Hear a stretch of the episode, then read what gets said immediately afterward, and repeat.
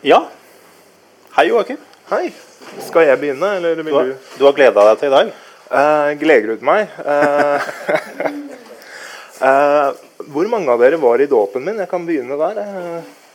Jeg sitter nå med jeg sitter nå med Egil her, som er den ene av mine faddere. Og Andreas sitter der, som er den andre av mine faddere. Og jeg ble døpt av Kristoffer i september 2021. Og nå sitter vi her eh, vel over ett år seinere. Og um, det er greit at jeg bare legger fram. Det kan du gjerne. Ja. Um, I dåpen min var det ganske viktig for meg å, um, å ikke være for aggressiv. For jeg, jeg kom inn i et nytt miljø, så jeg var litt forsiktig med det jeg sa. Og i dag skal jeg prøve å være litt mindre forsiktig nå som jeg har blitt litt bedre kjent med dere, og jeg føler meg tryggere på dere, og dere forhåpentligvis tryggere på meg. For jeg var ve- veldig bekymra for at dere skulle tenke han der er jo helt psykopat, og han er ekstremist, og han kommer hit for å, for å pushe oss i den ene eller andre retninga. Jeg, jeg ville komme til dere i ydmykhet og respekt for at jeg eh, rett og slett tok feil om, eh, om kristendommen. Og eh, det skal jeg fortelle litt om. Eh, men akkurat nå tror jeg vi tar en liten forbønn. Eh, så, jeg, så jeg ber til eh, Gud i himmelen, himmelske Far, om å sende ut din Hellige Ånd til meg nå, og la meg gi, gi ære til deg for det jeg skal fortelle, og fortelle om hvordan du har virket i mitt liv og ført meg hjem til deg, slik at jeg kan bli forent med deg gjennom Jesus Kristus. Og la meg nå snakke ikke med stolthet og ikke med sjalusi og ikke med hat i hjertet mitt, men å bare gi deg ære. Amen. Yes. Så jeg har ikke noe manus denne gangen. Det hadde jeg i dåpen, så det, det blir litt ulikt for meg. I manuset så hadde jeg tenkt veldig mye på forhånd nøyaktig hva jeg skulle si. og omtrent akkurat hvor lang tid jeg skulle bruke. Nå skal jeg snakke litt friere. Så vi, og jeg bruker regel her som hjelpemiddel hvis jeg, hvis jeg trenger det. Og målet mitt er, er å gi dere svar på det dere kanskje måtte lure på. Det er jo hvordan, hvordan skjedde det at denne fyren begynte å tro? Eh, og hva som måtte til. Og kanskje vi kan få noen svar på hva som må til for alle de der ute som, eh, som nå er der hvor jeg var. Og trengte at eh, at det Bibel, det trenger ikke jeg, og Gud er ikke ekte. Og, og ja, alt det som jeg trodde på før. Kanskje du skal begynne litt der. for det, nå er det sikkert litt forskjellig hvor godt folk eh, både husker og kjenner til hvor du kom fra. Og eh, når jeg ser utover den gjengen her, så er, tror jeg vi er en relativt homogen gruppe som veldig mange har vokst opp i et kristent hjem og gått i kirke og, eller bedehus og vært vant til å vokse opp i en kristen sammenheng. Eh, hvordan var det for deg? Altså, hvordan var oppveksten din? Eh, veldig sekulær. Jeg, eh, jeg tok jo dåp her, og grunnen til det er fordi jeg ble ikke døpt som barn. Og det forteller dere jo med en gang at mine foreldre ikke mente det var viktig. Eller ikke var riktig, som de ville sagt. De eh, er ikke antikristne på noen måte, men de, de er sekulære, og de er eh, uten aktiv tro på Bibelen. Og jeg er på ingen måte lutherske. Det, det vil jeg ikke si. Så jeg vokste opp eh, med foreldre som var veldig nøytrale og veldig sekulære. Ganske moderne. Og det jeg trodde da jeg var ung, var eh, det med at jeg ikke var døpt. Det er liksom det at faren min er litt, litt, ligger litt foran alle de andre, for i framtida så skal jo, skal jo kristendommen bort. Det var sånn jeg tenkte. Ja. For uh, Så det var ikke noe du hadde et aktivt forhold til? Og, ikke Nei, det vil jeg ikke si. Nei. nei, nei. Um, Andreas uh, fortalte noe til meg en dag som jeg skal gjenta. Eh, for da han, da han sa det, så satt det hos meg noen dager. Og han sa at dette med misjonsarbeid, dette med å spre evangeliet rundt omkring i verden, det går enklest i områder der det er mye nød og mye katastrofer. Og at det er det som det er i sånne områder at misjonsarbeidet har mest suksess med, med å bygge kirker. Uh, gjengir jeg det sånn cirka ja. Jeg vil ikke legge ord i munnen på, på Andreas. Og eh, jeg må jo si dønn ærlig at eh, jeg var ikke på et godt sted i, i mitt liv. Eh, for det, det, var noe, det var en nødsituasjon som skulle til for at jeg skulle tenke at jeg har tatt grundig feil. Og at det faktisk er veldig viktig.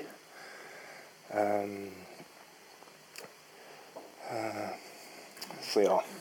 Jeg skal sette størst fokus på den tida som ledde opp til at jeg faktisk konverterte.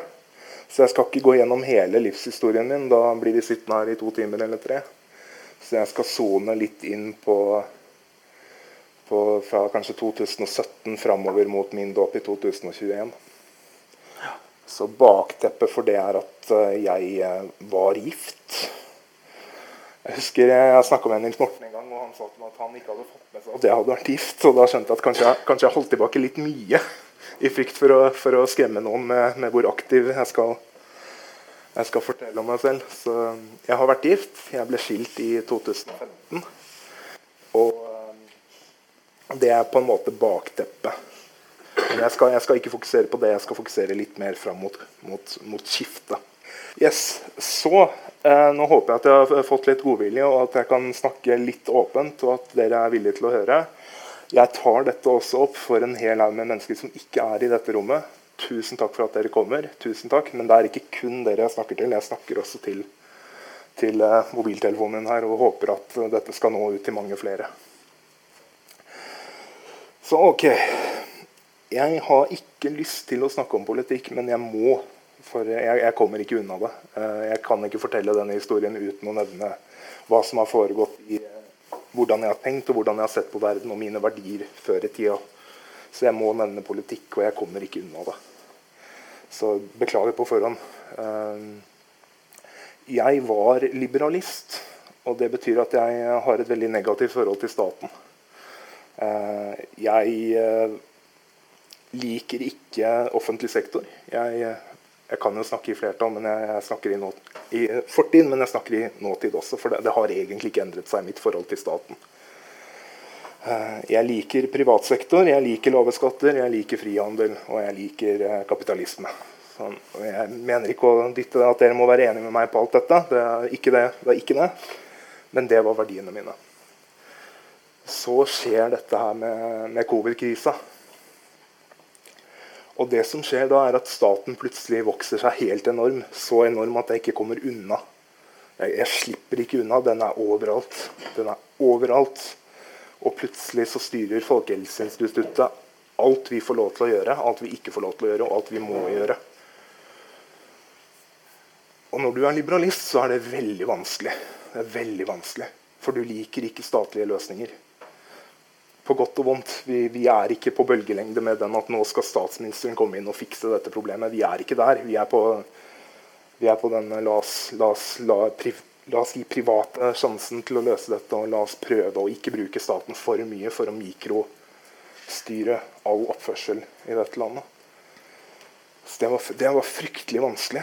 Det var fryktelig vanskelig. Og jeg følte at den propagandaen og, og, all den sensuren rundt meg som jeg så, den drev meg til vanvidd daglig. Og i den tida søkte jeg liksom tullflukt fra, fra både mine personlige katastrofer, det er ekteskapet mitt som gikk i grus, og at, at, økonomien min var ødelagt og alt det der. Jeg søkte en, en utflukt fra det i, eh, i gamle tekster. For jeg er, jeg er, også filolog. Jeg leser mye gamle tekster. Og når jeg sier gammel, så mener jeg ikke fra 20 eller 30, jeg mener mange hundre tusen år siden tilbake i tid. Det inkluderer jo nå selvfølgelig også Bibelen. Men jeg, jeg følte liksom at samfunnet rundt meg hadde sine verdier. Hadde sine løsninger som jeg var helt, helt, helt uenig med. Og jeg, jeg, klarte ikke å Jeg ville være enig, for jeg ville ikke gå rundt og være uenig med alt jeg så rundt meg hele tida. Det, det føltes så vondt. Jeg hadde lyst, til å bare si ja vel, dere vinner. Så får jeg bare, bare overlate hele livet mitt til helseministeren og la han styre alt det jeg gjør. Men jeg kunne ikke gjøre det. Det var ikke i min samvittighet i det hele tatt. Isteden så leser jeg gamle tekster fra mange hundre år tilbake i tid, og jeg føler at det de sier i gamle tekster fra 1500-tallet, fra 1200-tallet og 1300 det syntes jeg var klokt. Det syntes jeg ga mening. Det klarte jeg å skjønne. Jeg klarte å skjønne språket deres. Jeg skjønte hva de mente. Jeg skjønte hvordan de hadde tenkt.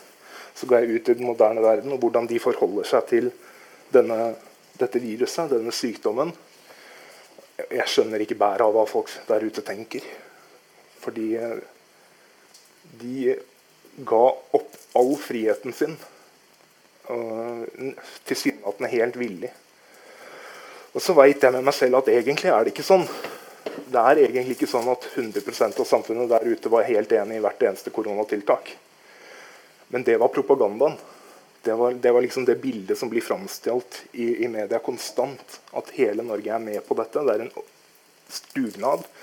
Og de få menneskene som ikke er helt med i hjertet sitt på koronatiltak, de er liksom ekstremister og vitenskapsfornektere og liksom helt grusomme mennesker.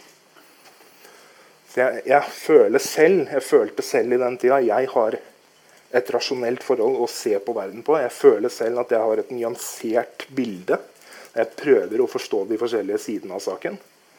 Men det jeg ser i media, er noe helt annet. Det er bare ensporig.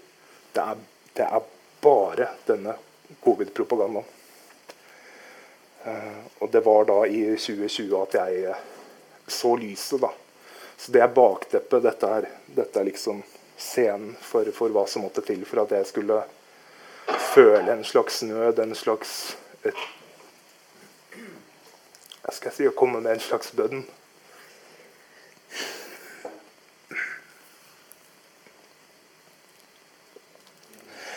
Ja, det føltes helt oppriktig som at jeg var i ferd med å bli helt gal. Fordi gapet mellom, mellom meg og samfunnet var for stort. Ok. Og dette, var da, og dette var da du var liksom helt på bunn? Helt i Helt på bunnen var jeg faktisk litt før. ja, du var før det, så du var, det var, kom litt opp igjen? Bunnen, bunnen i livet mitt var, var da, da ekskona mi forlot meg. Det var, ja. det var bunnen. Ja. Og det jeg ser nå i ettertid, er at mens jeg var på det punktet, så var, så var Gud der og, og førte meg gjennom det. Ja. Men det så jeg ikke der og da. Nei. Jeg var I 2015 var jeg helt, helt, på, helt på, bunnen, helt i grøfta. Uh, og hadde på en måte ingen livsglede i det hele tatt. Men jeg ville ikke begå selvmord fordi det var så ork. Mm. Jeg ler, det er morbid, men liksom, da må jeg liksom aktivt gå der ute og gjøre noe for å ta slutt på livet mitt. Det ville jeg ikke gjøre. Det var for mye, var for mye ork. Så det jeg skal gjøre isteden, er å bare bli helt passiv og bare se hvor, hvor jeg blir tatt. Og, og, Gud heldigvis ga meg den hjelpa jeg trengte. Um, jeg blir litt distrahert av spørsmålet. og, det, og, dette gjennom gamle tekster? Hva, ja. hva liksom, hvor, hvor, hvordan kan man se lys i gamle tekster? Ja, for det du finner ut bare ved å ha et ærlig sinn og søke sannheten, er jo at eh, all litteraturhistorien vi har, er gjennomgående kristen. Eh, ikke all, men langt på vei 95% Det er uh, i mitt Det som jeg har lest mest, er gammelnorsk og gammelislandsk. Og litteraturhistorien vår begynner på sånn 1200-tallet og får en slags glansperiode alt det der er skrevet av kristne mennesker. Og det plagde ikke meg, for det, jeg, jeg, har en slags vitenskapelig bilde til det. det. det. gjør ikke noe for meg om det er det ene eller det andre. Jeg, det plager meg ikke på noen måte. De, tekstene sier det de sier, og så er jeg bare interessert i språket. Mm. Men så blir jeg jo fora med disse kristne verdiene gjennom disse tekstene. Og det tok en del tid før jeg skjønte det, men uh, men jeg ser jo nå at det er, det er, virkelig Gud som snakker til meg fra mennesker mange tusen år tilbake i tid, som, som, skriver om kristne verdier. For at det skulle treffe meg i Herrens år 2017, 2018 og framover. Og for å kalle meg inn, inn til tro. Fordi det jeg opplevde der og da, var at det ga mening, disse gamle bøkene. Gammel filosofi, gammel, gamle historiske verk som åpent refererer til Gud og Guds vilje og til Guds sønn og til treenigheten og alle disse kristne verdiene. Det er overalt i gammel litteratur. Det skjønte jeg. Men det verden holdt på med der ute, det skjønte jeg nesten ingenting av. Det var veldig Ja, jeg kan, jeg kan prøve å snakke litt om ateisme. Ja, gjerne det.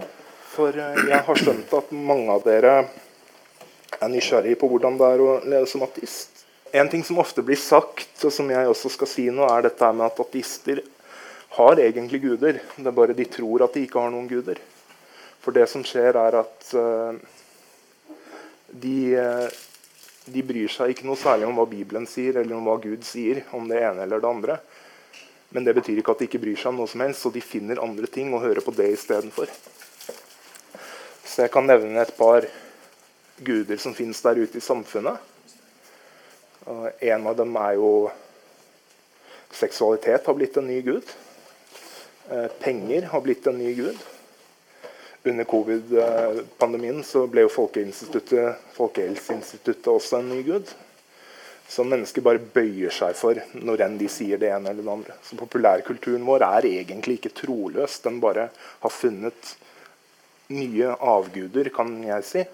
Så håper jeg at de på opptaket skjønner hva jeg mener med det. Vi må ha verdier. Spørsmålet er hvilke. Og Vi som sitter i dette rommet, vi tror på Gud. Så i hvert fall, eh, Jeg tror ikke vi har noen ateister her. Nei. Vi tror på Gud, og menneskene som ikke tror på Gud, må finne noe annet å tro på. For Det går ikke å ikke tro på noe som helst. Det jeg trodde på, var ekteskapet mitt. Etter det så begynte jeg på en måte å dyrke dyrke filologien, denne vitenskapen med å studere gamle språk. Jeg brukte så mye tid og energi på det. Bare for å finne ut at det var Guds kanal for å, for å snakke til meg på. Hvordan, hvordan gir det seg liksom utslag? Altså, når du sier hva, man må tro på noe, men man tror likevel ikke på noe. Hvor, um... Ja, Mitt standpunkt var jo at, at aktivt at uh, det fins ingen guder. Det er det, det er det, jeg legger i det hvis jeg sier at jeg var ateist. For jeg trodde Når vi dør, så er det ingenting. Livet er bare Det er, det er på en måte tilfeldig at det fantes noe liv på akkurat denne jordkloden. Uh, evolusjonsteorien forklarer alt det der. Dette var hva jeg trodde, da. Uh, så du mangler verdier hvis det er standpunktet ditt. Du må finne deg dine egne verdier. Og Det var der jeg gikk sånn på trynet i livet. For jeg uh, gikk ut og, og, prøvde å klare meg i, i Norge i, i, moderne tid uten, uten noe feste, uten, noe, uten, forankring i ekte verdier. Og hadde veldig mye stolthet også, som førte til, uh, til det som var mitt fall i livet. Og Det er uh, at, jeg, at jeg gifta meg med denne dama og ble skilt. Og satt igjen med ingenting. Den gode nyheten er jo selvfølgelig at, uh, at Gud, vår himmelske Far, er ekte og har virkelig skapt oss og har virkelig formet oss fra fødselen av. Han, han er der i livene våre. Og han, jeg veit i sjela mi at han elsker oss. Når var, det, når var det den typen tanke begynte å slå ned i ateisten Joakim? For det er jo et ganske langt stykke unna, sånn i hvert fall på papiret. Ja. Det er det. Um, jeg begynte fram mot, fram mot denne koronatida og begynte å engasjere meg veldig for hva kristne faktisk mener. For jeg, jeg la merke til at, at, det var så mye kristendom i mine interesser. Og det syntes jeg var veldig rart. For jeg skal liksom være ateist. Det skal ikke være noen kristendom i mine interesser. At jeg sitter og leser leser og hører på kristen musikk med kristen symbolikk. og det er mange ting jeg kan nevne som, som, spesifikt gjorde at jeg kom inn på de tankene. Men det jeg liksom la merke til, var at for det første at kristendommen var i så mye av det jeg drev med. Men det andre er at kristne ser ut til å leve mye, mye mer stabile liv enn vi ateister. Mm. For det jeg la merke til stadig vekk, var at ateister har en sånn sterk tendens til å få stort ego og til å tenke veldig høyt om seg selv. Og de, de mangler ydmykhet. Jeg, jeg, kan snakke vondt om dem nå, for nå er jeg ikke en av, en av dem. Men jeg, jeg syntes det liksom var vanskelig å forsvare ateister. For jeg syns de oppførte seg så, så respektløst. Jeg syns de oppførte seg veldig sånn, Kan jeg si direkte skadelig for, for samfunnet. Da tenker jeg på noen av disse nye gudene vi har fått i seksualitet, og, og, i at ekteskapet har blitt nesten helt borte. At vi har aksept for all slags type ting som samfunnet før i tida skjønte. Jeg, jeg sier skjønte, for dere har jo rett. Skjønte at det er galt. At det ikke er riktig, og at det ikke er sunt for barn å vokse opp med, med to fedre. Det, altså det, det, er ikke positivt for barnet. Um, men å ta sånt opp i mine kretser, i mine ateistiske kretser, det er jo helt umulig. Så det var ikke akkurat noe du snakka høyt om? med jeg, søk, jeg, søkte jo de samtalene, men jeg fant ut at arenaen var forsvinnende liten. For ateister er liksom opptatt med De har null interesse for disse verdispørsmålene. De, har, de tenker liksom at det samfunnet synes nå er riktig, det, det, bare er riktig. Og vi bare omsider har funnet det ut. Tragedien er at vi brukte så lang tid på å skjønne at, at ekteskapet ikke er en mann og en kvinne. Det er tragedien, synes ateistene, for det aller meste. Men det er ikke virkeligheten som jeg har Altså, det er ikke virkeligheten. For når du, når du titter på hva som er sunt for samfunnet, så vil du finne ut at det som er sunnest, det er familien. Det som er sunnest for familien, det er far, mor, barn. Og det er liksom hjørnesteinen i hele kristendommen. Så når jeg skjønte som ateist at dere har rett om det, da begynner hodet mitt å spinne litt. For jeg ser på mine, med, mine brødre i ateismen og sier at dere, dere, har jo ikke skjønt noe som helst, men vi har skjønt det. Hvordan kan det henge sammen? Og da begynner jeg å virkelig tvile på om det er riktig at, at Gud ikke finnes. At, det vil si at Bibelen bare er sprøyt. For det er jo konsekvensen av at Gud ikke finnes. At Bibelen er fantasier som ikke har rot i virkeligheten i det hele tatt. Og at det bare er tilfeldig at hvor, hvor, mye Bibel hadde du lest på det tidspunktet, egentlig? Sånn. En, mer enn du kanskje skulle tro. For som sagt uh,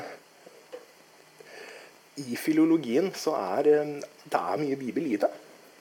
Og som sagt, jeg, jeg, jeg fikk litt hakeslepp da jeg innså det. For jeg leser disse gamle døde språka og skjønner at som uh, dikt på gammeltysk fra 900-tallet egentlig handler om Jesus, alt sammen. Mm for liksom hakeslepp. Må jeg sitte her og, og, lese om Jesus Kristus for å kunne lære et gammelt språk? Må jeg virkelig det? Ja, jeg må det, faktisk. Du har ikke noe valg. Hvis du vil lære gotisk, så må du lese Bibelen. For det eneste som fins på gotisk, er Nye testamentet. Romerbrevet. Evangeliene. Det er det du får lese hvis du vil lære gotisk. Og det er det eneste du kan lese på gotisk. Og det andre er jo at kristne også aktivt driver misjonsarbeid, faktisk.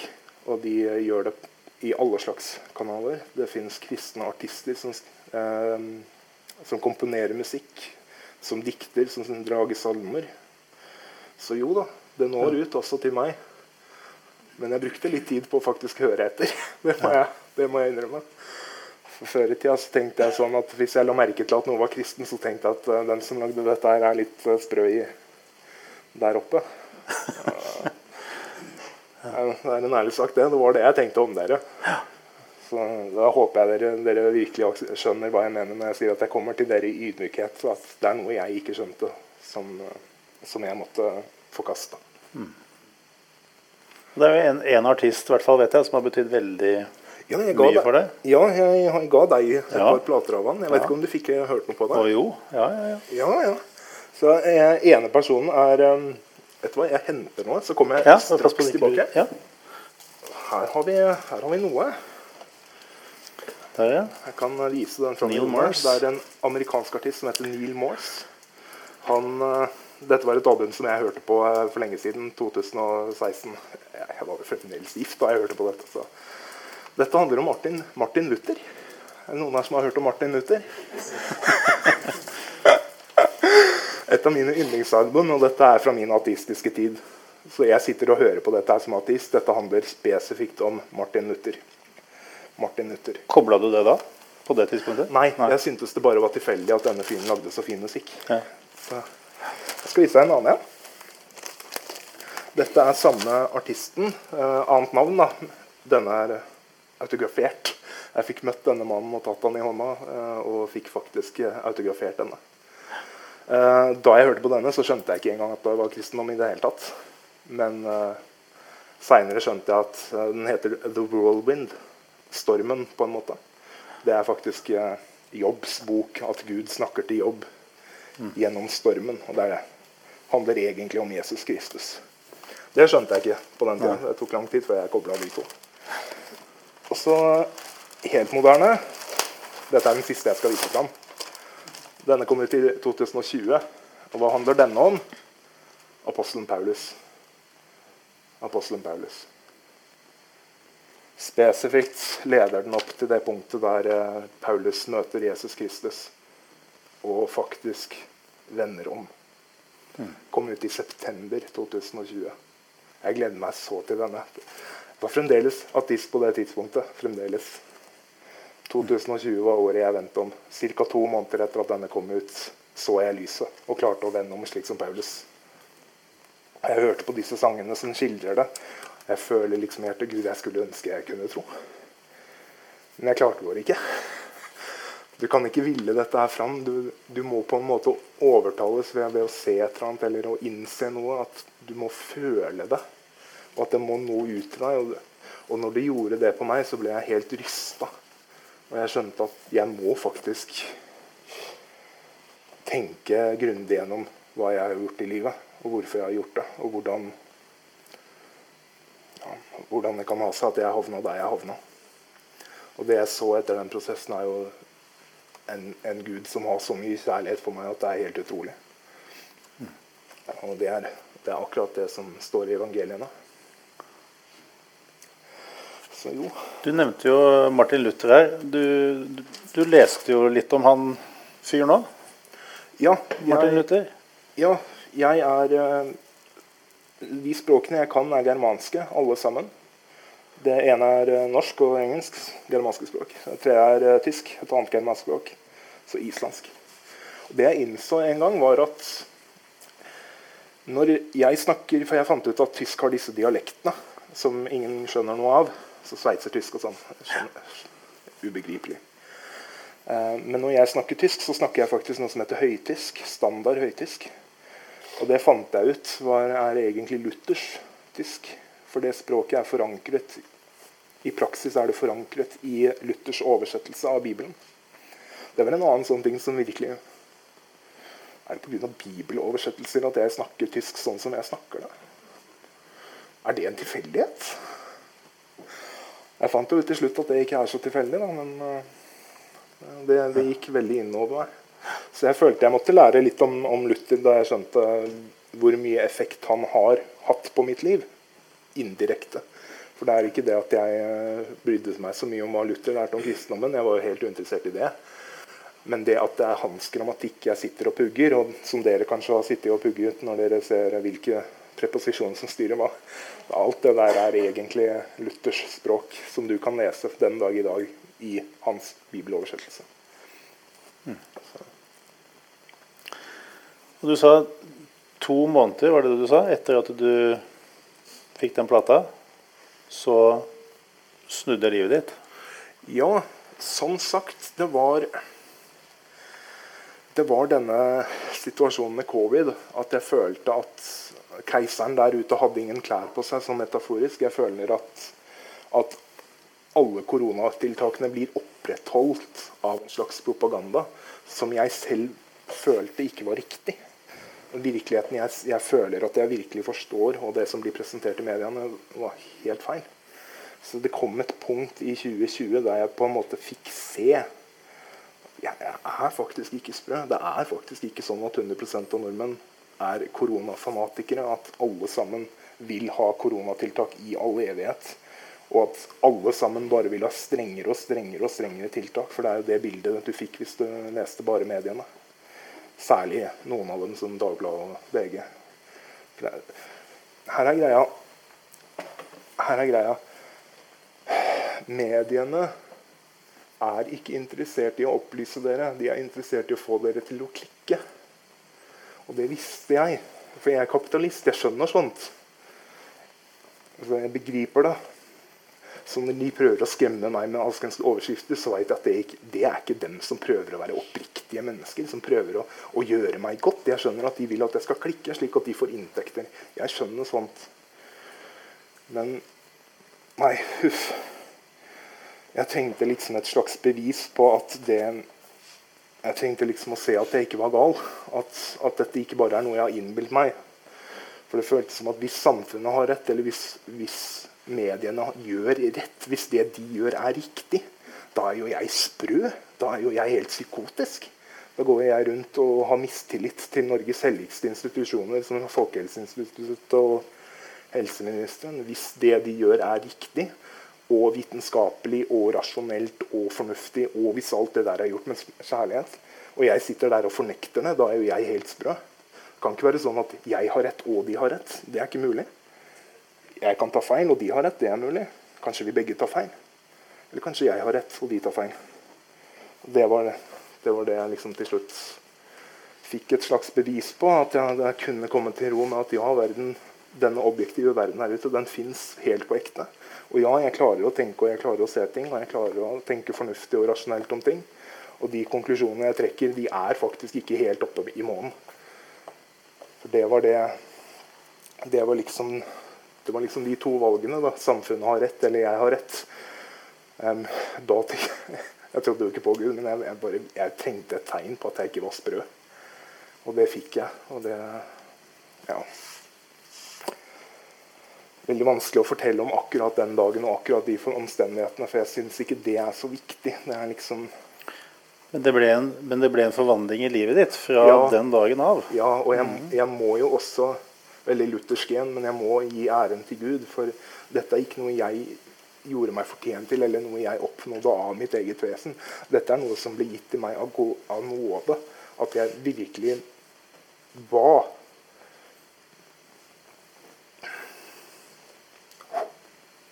jeg virkelig ba om å bli vist hva som er ekte, og hva som er hvis, hvis, jeg var sprø, så ville jo jeg veldig gjerne vite det. Men jeg ble bønnhørt, og jeg ble vist at, at, for det første at verden er ekte, og at verden gir mening. At denne verden der ute gir faktisk mening. Den, den er ikke bare fantasi. og ikke, Vi kan ikke forme den som den vil. Det er noe konkret og fast der. Det er et skaperverk som Gud har gitt. Og, ja. Og det andre jeg tenkte å føle på, var at Gud, hvis han er ekte, at han faktisk ikke torturerer meg. At han, at han faktisk vil ha meg. For det jeg følte Samfunnet ville jo, ville jo, ikke høre på de som tenker som jeg tenker. De følte at samfunnet hadde helt kastet meg i søpla og ikke ville ha noe med meg å gjøre med lenger. Og, ja. Men jeg, jeg skjønte det fins en bedre vei. Og hvis du følger Jesus, så kommer du faktisk til den bedre veien. Altså, jeg har litt i bakhodet at, at dette skal gi mening også for dem som hører på, for de er ikke kristne nødvendigvis. Så, så jeg håper at de skjønner hva jeg mener i den, selv om jeg vet at alle dere skjønner akkurat hva jeg mener. Så, så snur livet ditt. Ja. Hvordan, hvordan arter det seg for deg? holdt jeg på å si? Det, føler du at du snur på en femmering? Det, føler du at eh, du er alene om å ha forstått sannheten. Du finner jo etter hvert veien fram hit til oss, mener jeg. Ja. Hvordan, hvordan, forløper det seg, liksom? Ja, så det jeg følte da jeg fortalte dette til Kristoffer, den forrige presten Måten han tok meg imot, var jo helt Jeg er så full av takknemlighet for at han For jeg var litt bekymra da jeg kom hit, at han skulle se på meg med rare øyne og tenke at du er jo helt sprø.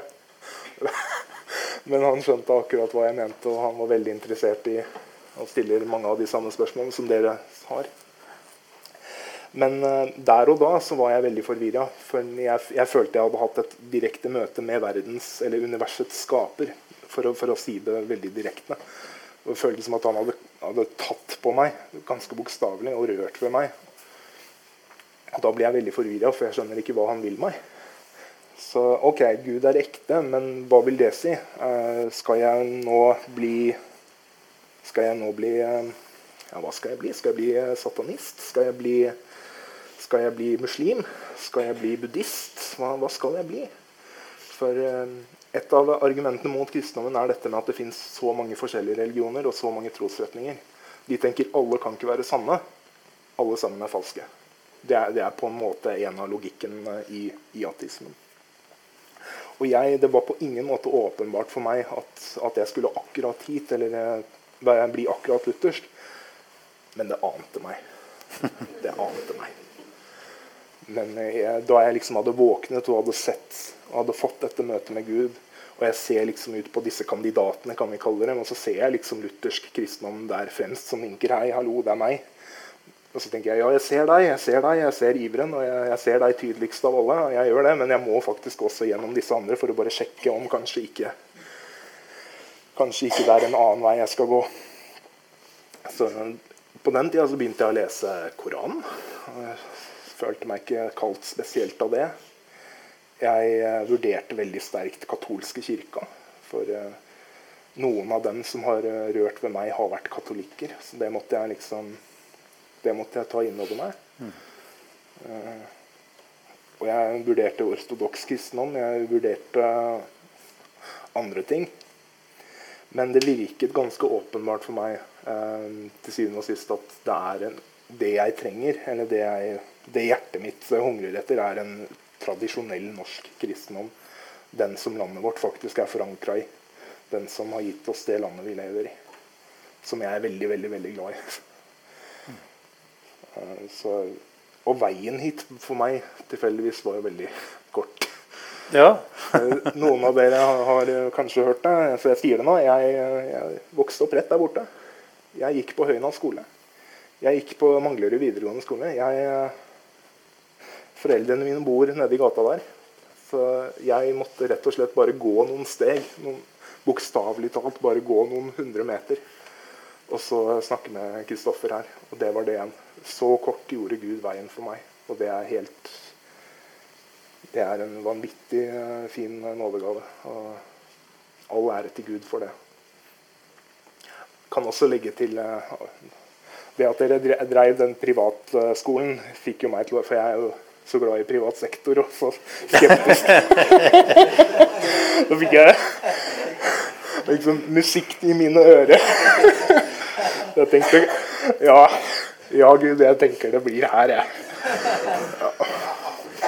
Veldig bra. Det å eh, komme inn i en menighet eh, som vår, da. Hvordan opplevde du det? Altså, du nevnte Kristoffer. Det er jo flott at du møter noen sånn enkeltpersoner. Men hvordan har det vært å komme inn i et menighetsfellesskap? Det har jo vært eh, Det var jo Jeg vil ikke si at jeg var redd først. fordi da jeg, da jeg fikk det møtet med Gud, så følte jeg liksom at jeg, jeg er ikke redd for noe som helst lenger. For nå, nå, nå kjenner jeg kjærligheten, og jeg kjenner kjenner tryggheten i det. Så da jeg kom hit, så var jeg veldig sikker i hvert fall i troa på at det jeg gjør nå, det er faktisk veldig viktig og veldig riktig. Men jeg, jeg var litt bekymret for at først og fremst at jeg skulle skremme dere da, med min veldig radikale og veldig rare bakgrunn. For jeg ville veldig gjerne, ville veldig gjerne være veldig myk i, mitt møte med dere. Og først og fremst å lære av dere. For uh, da vi først møttes, så satt vi oss til bords og spiste mat, og dere sang et bordvers, og jeg skjønte ingenting. Jeg skjønte ingenting. Og du som vet hva for noe? ja. Og har funnet ut seinere at mamma og pappa sang jo dem, men jeg fikk det ikke da, da jeg var barn. Så det, det er noe som har brutt der. Men jo, eh, det var jo koronatiltak fremdeles inntil eh, inntil jeg faktisk tok kontakt med, med Ryenberget menighet og leverte inn en søknad om å bli medlem for å, for å trigge den prosessen med, å, med, å, snakke med presten her og prøve å skjønne om jeg hører hjemme her eller ikke. Og Dere husker det jo kjempegodt. Det var, det var ikke lov å møtes. Det var ikke lov å samles mer enn hva var det på den tida, 30 personer eller noe. Det var maks. Så jeg kom jo til en, en menighet i koronadvale. Men det var på en måte også det jeg trengte. For kanskje Kanskje det hadde vært litt vanskelig for meg å bare dukke opp en dag hvor alt er i full sving. Kanskje jeg trengte å komme hit under litt rar drift. Under litt Jeg husker jeg måtte vente ganske lenge før Kristoffer faktisk så søknaden min og ringte. Men det var en sånn venteperiode som jeg tror bare var bra for meg. For å gjøre meg klar til å, til å ta dette steget. Men da jeg først kom, dere, så var dere omtrent akkurat det jeg forventa. Dere var åpne. Dere inviterte meg på middag og spurte meg om, om, hvordan i alle dager det kan ha seg at du gikk inn i disse dørene. Og dere har bare vært greie mot meg. Spesielt uh, du som er min fadder, og Andreas som er min andre fadder. Og også Kristoffer. Jeg må Jeg skulle ønske jeg tok opp den samtalen jeg hadde med han, for jeg ga, jeg ga alt. Mm. for jeg sparte ikke på noe da som helst. Var, det, det, visste jo han på forhånd at jeg kom til å gjøre. At jeg skulle komme og fortelle han hva jeg hadde opplevd. Og jeg gråt masse på det kontoret mens vi, mens vi snakket sammen. Det viktigste er liksom at dere liksom er fornuftige folk. Og at dere Si, dere, dere, er tenkende mennesker og, og virkelig viser nestekjærlighet. Det var det jeg hungra sånn etter. For verden der ute hadde ikke noe av det. Det var liksom bare hysteri og De kaller meg reaksjonær, men altså, de, de, reagerer sånn. Uh, ikke alle, men, men, det du ser i media. Det det er så sterke reaksjoner. Og det er liksom uh, og så kan jeg komme hit, og så sitter vi og hører på meg fortelle litt uh, spesielle ting og tar det med, med så, så, ro. Det er helt, helt vidunderlig å kunne komme hit og dele med dere. Det har bare vært fint for meg. Det er jo derfor jeg får fortsette å komme. da, Hvis, uh, hvis jeg kom hit og bare fikk rare blikk og liksom den, så, så hadde jeg neppe kommet tilbake. Men jeg har jo gjort det. For jeg tror dette er sannheten. Og jeg tror, jeg tror, også at det dere gjør her, er veldig viktig, særlig med, med privatskolen. For å slå et slag for de minste blant oss. For det er Når jeg tenker på hva jeg har opplevd, så tenker jeg det er, det er ikke synd på meg, men jeg er så bekymra for de små der ute som vokser opp i denne kulturen. At de ikke får sunne verdier. At de ikke får De får så mye forvrengt at de får så mye falskt. Og kommer da, sånn som jeg gjorde, til å virkelig gå seg vill i verden og gjøre store tabber. Og det Ja, de trenger en motgift. Ja. Vi kan uh, begynne å gå inn for en slags landing for vår del. så Det kan godt hende dere har noen spørsmål til, uh, til Joakim. Um, du, kan, du kan jo si litt kanskje om hvorfor tar vi i det hele tatt opp? Ja, det var jo det var jo noe jeg innså at, at jeg, jeg, har ikke gjort så veldig mye for å dele min historie. Eh, som jeg kanskje burde ha gjort.